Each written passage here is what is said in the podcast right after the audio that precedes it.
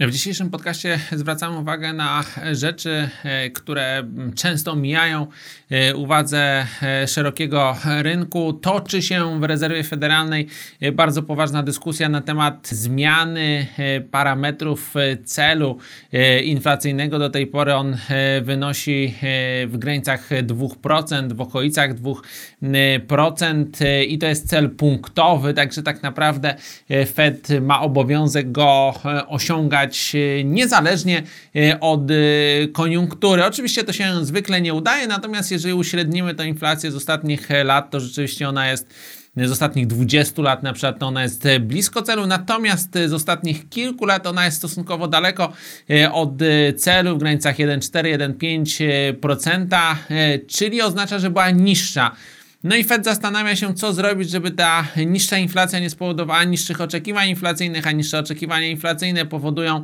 y, ryzyko na przykład wejścia e, w deflację przy stosunkowo e, łagodnym e, spowolnieniu gospodarczym. Stąd, żeby tą inflację zakotwiczyć w okolicach 2%, Fed zastanawia się, czy przypadkiem nie zmienić celu inflacyjnego na cel uśredniony, czyli w, danym, w danych 5 latach latach załóżmy mieliśmy inflację na poziomie 1,5%, to w kolejnych 5 y, powinniśmy mieć na poziomie 2,5%, żeby z 10 lat, z dekady ten cel był w granicach 2%. To by oznaczało, że y, polityka pieniężna w momentach y, na przykład stosunkowo szybkiego rozwoju, rozwoju nawet powyżej potencjału byłaby długo łagodna, a to oznacza, że na przykład teraz taka polityka byłaby e, wymagana i wydaje się, że Fed w jakimś stopniu odpowiada na to zapotrzebowanie, na to zapotrzebowanie tak jakby rozszerza ten cel e, inflacyjny. Rzeczywiście ta polityka pieniężna e, jest łagodniejsza niż na przykład w innych e,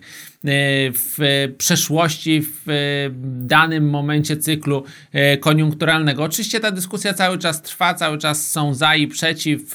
Przeciw jest na przykład taki, że skoro nie udaje się utrzymać czy doprowadzić do 2% inflacji teraz, to jak można to zrobić e, doprowadzając e, do 2,5%? Jaka ta polityka miałaby być? Czy inne nierównowagi by się nie pojawiły? Czy przypadkiem ten cel inflacyjny jest rzeczywiście tak ważny w dłuższym okresie? Czy po prostu stabilizacja cen jest najważniejsza? Natomiast wydaje się, że rzeczywiście Fed pozwala, czy pozwoli sobie na wyższą inflację inflację, jeżeli taka by się e, pojawiła, a to oznacza, że to jest negatywny sygnał e, dla dolara, biorąc pod uwagę te wszystkie inne uwarunkowania e, rynkowe.